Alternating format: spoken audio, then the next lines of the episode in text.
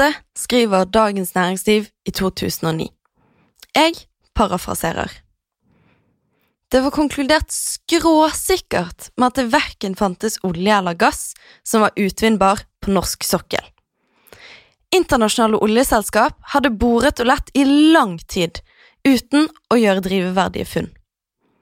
De aller fleste av de var i ferd med å gi opp, da amerikanske Philips Petroleum gjorde et siste forsøk. Og de traff blink. Ekofisk var megasvær, og julaften 1969 forandret livene våre. Resten er historie. Eller et eventyr, om du vil. Norge fant det svarte gullet, lykken og en lysere framtid, omtrent som Askeladden, når han med kløkt og hardt slit sikret seg halve kongeriket, prinsessen og rikdommer han bare hadde drømt om. Sitat slutt.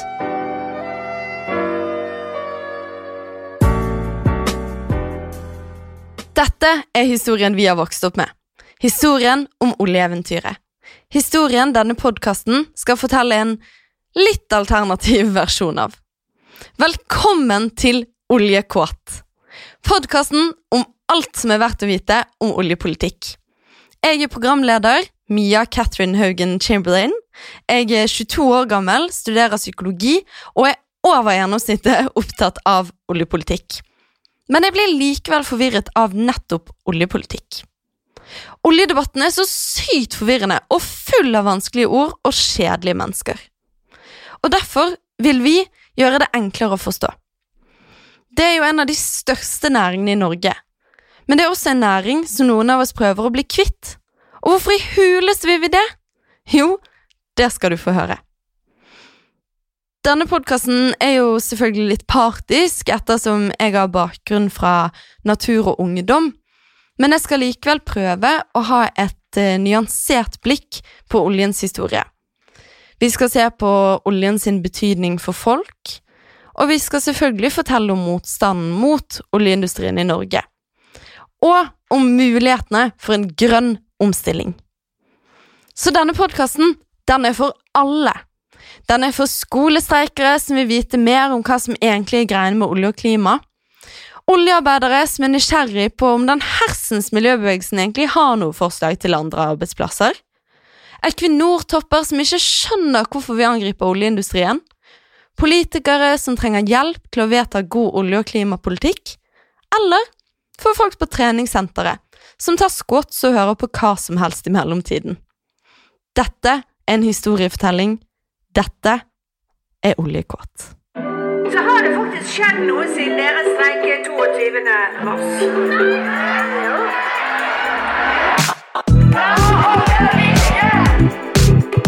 Begge fram en plan. Det pågår en klimakrise. Så, da sitter jeg her. Episode én. Denne podkasten kommer til å eh, variere litt. Stort sett så er det bare meg, men noen ganger så skal vi få inn gjester. Men denne første episoden så vil jeg at det bare skal være deg og meg. For i dag så skal vi snakke litt om det som skjedde når Norge fant olje. En slags eh, oljehistorie på 1, 2, 3. Med litt eh, fun facts. Så len deg tilbake, eller fortsett å ta de skotsene, og la oss begynne. Vi begynner med en fun fact. For mange tror jo at det var på lille julaften i 1969 at vi fant olje i Norge. Og jeg også trodde det. Men så kom jeg over en artikkel i Stavanger Aftenblad fra 2009 kalt 'Julemyten om ekofisk'. Og Der kan man lese at oljeselskapet som lette etter olje på Ekofisk Ekofisk er da navnet på oljefeltet. Eh, I realiteten så fant de olje sommeren 1969. Men det ble ikke offisielt bekreftet betydelige funn før tidlig vinter 1970. Lille julaften nevnes i historiebøkene fordi det på en rar byråkratisk måte var på en måte da oljeselskapene bekreftet at oljen var funnet. Men dette var jo mange måneder etter det første funnet, og mange måneder før de første store funnene. Så man tror hvorfor lille julaften opphøyes som lykkedagen i norsk oljehistorie. Kanskje det er for å få det til å virke mer eh, eventyrlig? Eller kanskje det bare passet litt bedre? Litt sånn som at Jesus sin bursdag også passet bedre å feire på slutten av året. Så vi flyttet den fra juli til desember. Det siste skal det sies at jeg ikke har sikre kilder på. Så var det faktisk i den siste brønnen at vi fant olje. Og at den siste brønnen på norsk sokkel i det hele tatt ble boret, det var ingen selvfølge.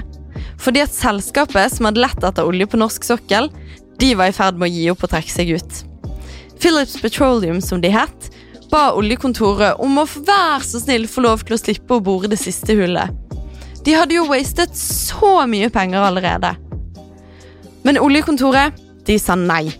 Og i så fall så måtte Philips Petroleum betale 1 million dollar for å få lov til å trekke seg ut.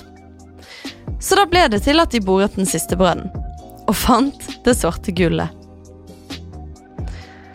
Så kanskje det ikke alltid er industrien sjøl, investorer, oljemonguler eller teknologien som vet best. Kanskje politisk styring kan føre til fantastiske ting. Og kanskje det samme gjelder for klima. Men en ting jeg lurer på, og det er på en måte hvordan det føltes for de som var på plattformen den dagen når de fant oljen. Etter litt research så fant jeg ut at blant de som sto på borddekket, så var det en fyr som het Roughneck Henry Munkejord. Han var en av oljearbeiderne. Jeg lurer på hvor navnet Roughneck kommer fra. Mon tro om det er noe kinky? Nei da. Dessverre fant jeg ut etter litt googling at eh, roughneck kjedelig nok bare er en betegnelse for en person med et eh, tøft, fysisk krevende yrke. Ofte folk som jobber på rigger, sånn som Henry. Og det Henry sier om dagen, det er Vi boret bare noen få fot ned i dette og sirkulerte rundt for å se hva det var. Og det var begynnelsen på alt. Det var ekofisk. Men det tok mange år før jeg skjønte betydningen av det, forteller han til Teknisk Ukeblad i 2019. Og betydningen, det var jo seff mer cash og industriarbeidsplasser til Norge. Og bitte litt klimaendringer på kjøpet. Men jeg vet ikke om det var det han mente. Så Oljeselskaper får områder, de borer etter olje, de finner olje, og de får masse penger. Men hva med oss?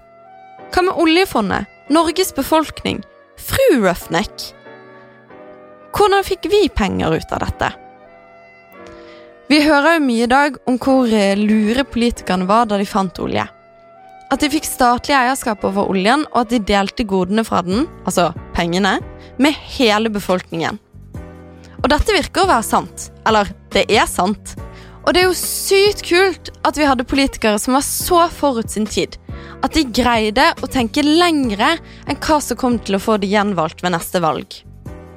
De bestemte seg for å drive oljepolitikken på en måte som gjorde at vi får masse igjen for pengene i lang tid framover. Det var nemlig ikke en selvfølge at Norge skulle bli så rike på olje.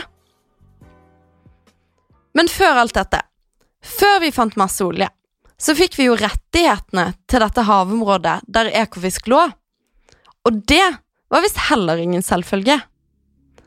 Ifølge Aftenposten så skjedde det i de dager at Norge snappet Ekofisk foran danskene. Folk hadde jo som sagt ikke tro på at det fantes olje på norsk sokkel.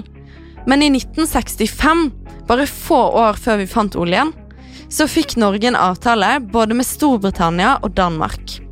Og denne avtalen den ga Norge kontroll over 131 000 kvadratkilometer av Nordsjøbunnen. Blant annet det som skulle bli Ekofiskfeltet. Ifølge en dansk historiker skal den danske utenriksministeren ha skuslet bort Ekofisk fordi han var dritings. Du hørte riktig. Han var full, kanakas, helt vekke under et forhandlingsmøte med Norge. Og dette ble senere tilbakevist. Men i Danmark så levde lenge myten om danmarkshistoriens dyreste rus. Det het seg da at da ministeren ble full av whisky, så ble Norge full av olje. Og deretter så begynte Norge å dele ut det man kaller konsesjoner. For de som ikke vet det, så er konsesjoner at man deler havet inn i mindre områder. Så kan oljeselskap søke om å bore i de områdene. Man skulle kanskje tro at det lå en eh, nøye omstendelig prosess bak disse konsesjonstildelingene. Nei da. Historikere har beskrevet hvordan en helt fersk jurist i Utenriksdepartementet, som bare hadde jobbet med oljesaker i noen få måneder, fordelte samtlige interessante områder i løpet av noen få dager. Han la noen lapper utover et kart, og dermed var pustespillet lagt. Så det er altså absolutt lure politiske beslutninger som ligger til grunn for oljepolitikkens tidlige historie. Men veldig mye, det var også helt tilfeldig. Det er faktisk mange rare historieendrende beslutninger og oppdagelser som er blitt tatt av helt random grunner. Det pågår en klimakrise. Eksempel nummer én. Da statsminister Chamberlain av Storbritannia gikk av rundt andre verdenskrig, så var ikke Churchill førstevalget. Halifax var vurdert som neste statsminister, men ettermiddagen beslutningen ble tatt, så dro Halifax til tannlegen. Hadde Halifax hatt bedre tenner, så kunne det hende Vesten hadde tapt krigen mot Hitler. Eksempel nummer to. Det kommunistiske statskuppet i Russland ville ifølge noen ikke skjedd dersom Lenin ikke hadde rukket akkurat det toget han rakk til Russland da han gjorde. Eksempel nummer tre. Da de europeiske kolonimaktene delte Afrika inn med linjal. Dette har vi alle lært på skolen, og det var helt tilfeldig hvor grensene for landene gikk. Også i vitenskapen så har denne typen ting skjedd. Penicillin! Alexander Flemming oppdaget dette vidundermiddelet fordi bakterieskålene hans ble forurenset av muggsopp. Og kanskje enda mer fantastisk, mikrobølgeovnen ble oppfunnet når en ingeniør forsket på radarutstyr. Han la merke til at sjokoladen i bukselommen hans begynte å smelte. Ifølge mentalfloss.com så feiret han med en lomme full av fondue.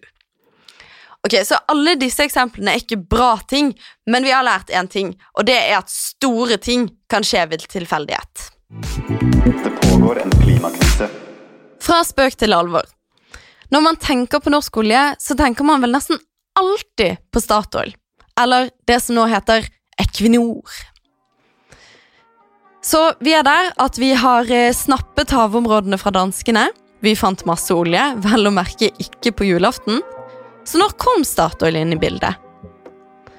Jeg prøvde å google fun facts om Statoil når jeg skulle forberede denne episoden, men jeg fant ingen fun facts. Ikke en eneste en. Så Equinor, dere må uppe gamet. Og jeg må gå rett på sak. Jeg henter eh, informasjon fra Store norske leksikon og De beste intensjoner, som er en bok om eh, Norge som klimaland og oljeland, av Ann-Karin Sæther. Statoil. Den 14. juni 1972 vedtok Stortinget at det skulle opprettes et statlig norsk oljeselskap. Samtidig ble det opprettet et statlig oljedirektorat. Oljedirektoratet skulle passe på at alt gikk rett for seg, og statsoljeselskapet skulle drive med business-siden av det hele. Og siden så har det skjedd mye. Vi skal ikke gå inn på alt i denne episoden, men i De beste intensjoner så beskrives et interessant aspekt av Statoil og statens relasjon. Statoil mener også at produksjonen på norsk sokkel må holdes høy så lenge som mulig. Nettopp fordi den norske oljen og gassen er så ren. Opp gjennom historien har norske politikere brukt nesten nøyaktig de samme argumentene som Statoil. Hvordan kan det ha seg? Har de uavhengig av hverandre kommet fram til den samme konklusjonen? Eller har Statoil større makt over politikerne enn politikerne har over Statoil? Dette her som blir skrevet om at norsk olje er så ren, og andre argumenter som politikere og Statoil gosser seg med, det skal vi komme tilbake til i en senere episode. Boken jeg nettopp leste fra, ble utgitt i 2017, men lite har forandret seg. Politikere over hele aksen bruker fremdeles de samme argumentene om norsk olje. At den er ren, at vi blir fattige uten den, at det ikke finnes noe alternativ for å forsyne verden med energi, osv. Jeg leser igjen fra boken. En bok som vi for øvrig skal bruke en del i denne podkasten. En god utvikling for Statoil vil være til gagn for hele det norske folk, sa daværende Statoil-sjef i 1974, bare et par år etter Statoil ble til. Han konstaterte dermed hva hensikten med Statoil var, nemlig å tjene folket. Samtidig skapte han et mantra som ikke alltid har blitt sagt helt rett ut i norsk politikk, men som har ligget der, i bakgrunnen, hele veien. Det som er bra for Statoil, det er bra for Norge. Dette mantraet, eller denne forståelsen av Statoil sin rolle, den gir Statoil et megastort spillerom. For ingen kan vel være imot at det skal gå bra med Norge? Det pågår en klimakrise. I mitt politiske arbeid så har jeg ofte følt eh, på denne store makten som vi unge kjemper mot. Oljeselskapene og oljelobbyen. Og dette oppsummerer det nok ganske godt. Men det er faktisk ikke bare radikale miljøvernere som studerer psykologi og lager podkast som er skeptiske til Statoil sine tette bånd med politikere. Høyre har også lenge vært en aktiv kritiker. I 1981 så kom høyremann Terje Åsmundsen ut med en bok som het Gjøkungen Skal Statoil styre Norge? I denne boken så skrev han Styres selskapet av de politiske myndigheter, eller styrer selskapet faktisk seg selv, og dermed oss alle? Høyre har vært en av Statoil sine største kritikere av flere grunner. Blant annet fordi Statoil har eh, sterk tilknytning til Arbeiderpartiet, men også ideologisk skepsis til statsselskap. Så det var ikke akkurat sånn at Høyre var grønne miljøvernhippier på 70-tallet. De heide nok eh, mer på konkurrenten Hydro. Men Høyremannen som skrev denne boken, han ble senere politisk rådgiver til Høyre-statsminister Kåre Willoch. Og eh, jeg burde kanskje ikke si dette, men vi satser på at Kåre ikke hører på. Og hvis han gjør det, så blir jeg så glad at jeg bare glemmer denne flausen. Men Willoch var på eh, utdelingen av Fritt Ords pris eh, når Natur og Ungdom vant den i fjor. Så var det noen av de yngre medlemmene som lekte. Hvem kan ta på månen til Willoch uten at han merker det? Respektløst, tenker dere kanskje. Og da har dere rett. Men vi er faktisk fans. Fordi Willoch, når han var statsminister, så gjennomførte han nemlig det som kalles vingeklippingen av Statoil. Selskapet hadde fram til Willoch ble statsminister, forvaltet alle statens oljeinteresser på norsk sokkel. Høyrepolitikerne ville splitte opp pengestrømmen, sånn at en større andel av pengene gikk direkte til statskassen og ikke til Statoil. Staten fikk dermed en større eierandel i de fleste olje- og gassfeltene i Norge, og Statoil fikk mye mindre politisk og økonomisk makt. Som følge av dette så fikk andre oljeselskaper mer spillerom. Og disse oljeselskapene var veldig opptatt av at politikerne måtte få bedre kunnskap om oljen, for at de ikke bare måtte være avhengige av Statoil for å få faktaene på bordet. Fordi at når Statoil var de som hadde faktaene, så var det jo i realiteten Statoil som styrte. Så takk til Kåre. Men Statoil, med nytt navn og mye mer penger enn de hadde på den tiden, er fremdeles veldig sentrale i norsk oljepolitikk. Og vi skal som sagt snakke litt mer om det i en senere episode. Det pågår en klimakrise. Så, da har vi lagt litt av bakteppet for Norges oljehistorie. I de neste episodene så skal vi snakke mer om fremtiden til oljen. For det er nemlig et klimaaspekt her. Og det er også noen flere kompliserte aspekter. For eksempel så er det jo masse bra folk som jobber i oljen, og vi er jo ikke mot de. Så hva skal de gjøre hvis vi kutter ut oljen, eller når vi kutter ut oljen? Det skal vi også diskutere. Jeg gleder meg. Jeg avslutter dagens episode med forordet fra boken De beste intensjoner. Norge ønsker å være blant de aller beste klimalandene.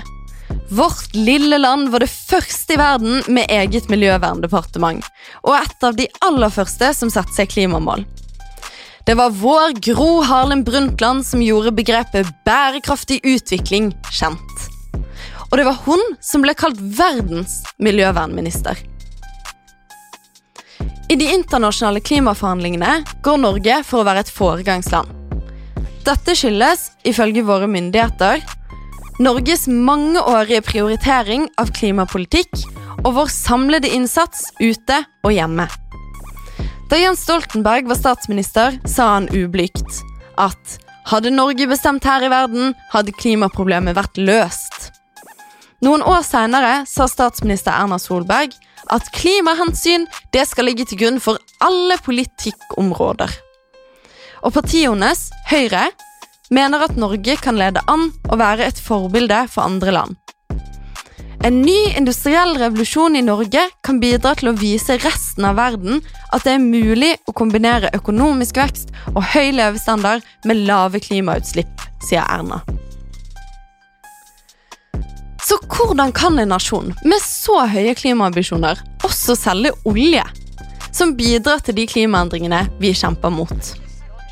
Dette er en historie om hvordan Norge har prøvd å være både oljeland og klimaland på samme tid. Hva skjedde på veien? Fra vi fant olje og etter hvert forsto hvilken milliardindustri vi gikk inn i, og frem til i dag. Dette skal vi utforske videre i de neste episodene av denne podkasten. Jeg håper at dere vil være med på eventyret. Kildene fra dagens episode kan finnes på nu.no. Gjerne følg oss på Instagram at naturungdom. Podkasten er spilt inn hos og klippet av Moderne Media. Jinglen er laget av Remi Malcher Pettersen. Annen musikk er hentet fra bl.a. Pod Ready Man. Denne podkasten er støttet av Fritt Ord og LNU Kultur.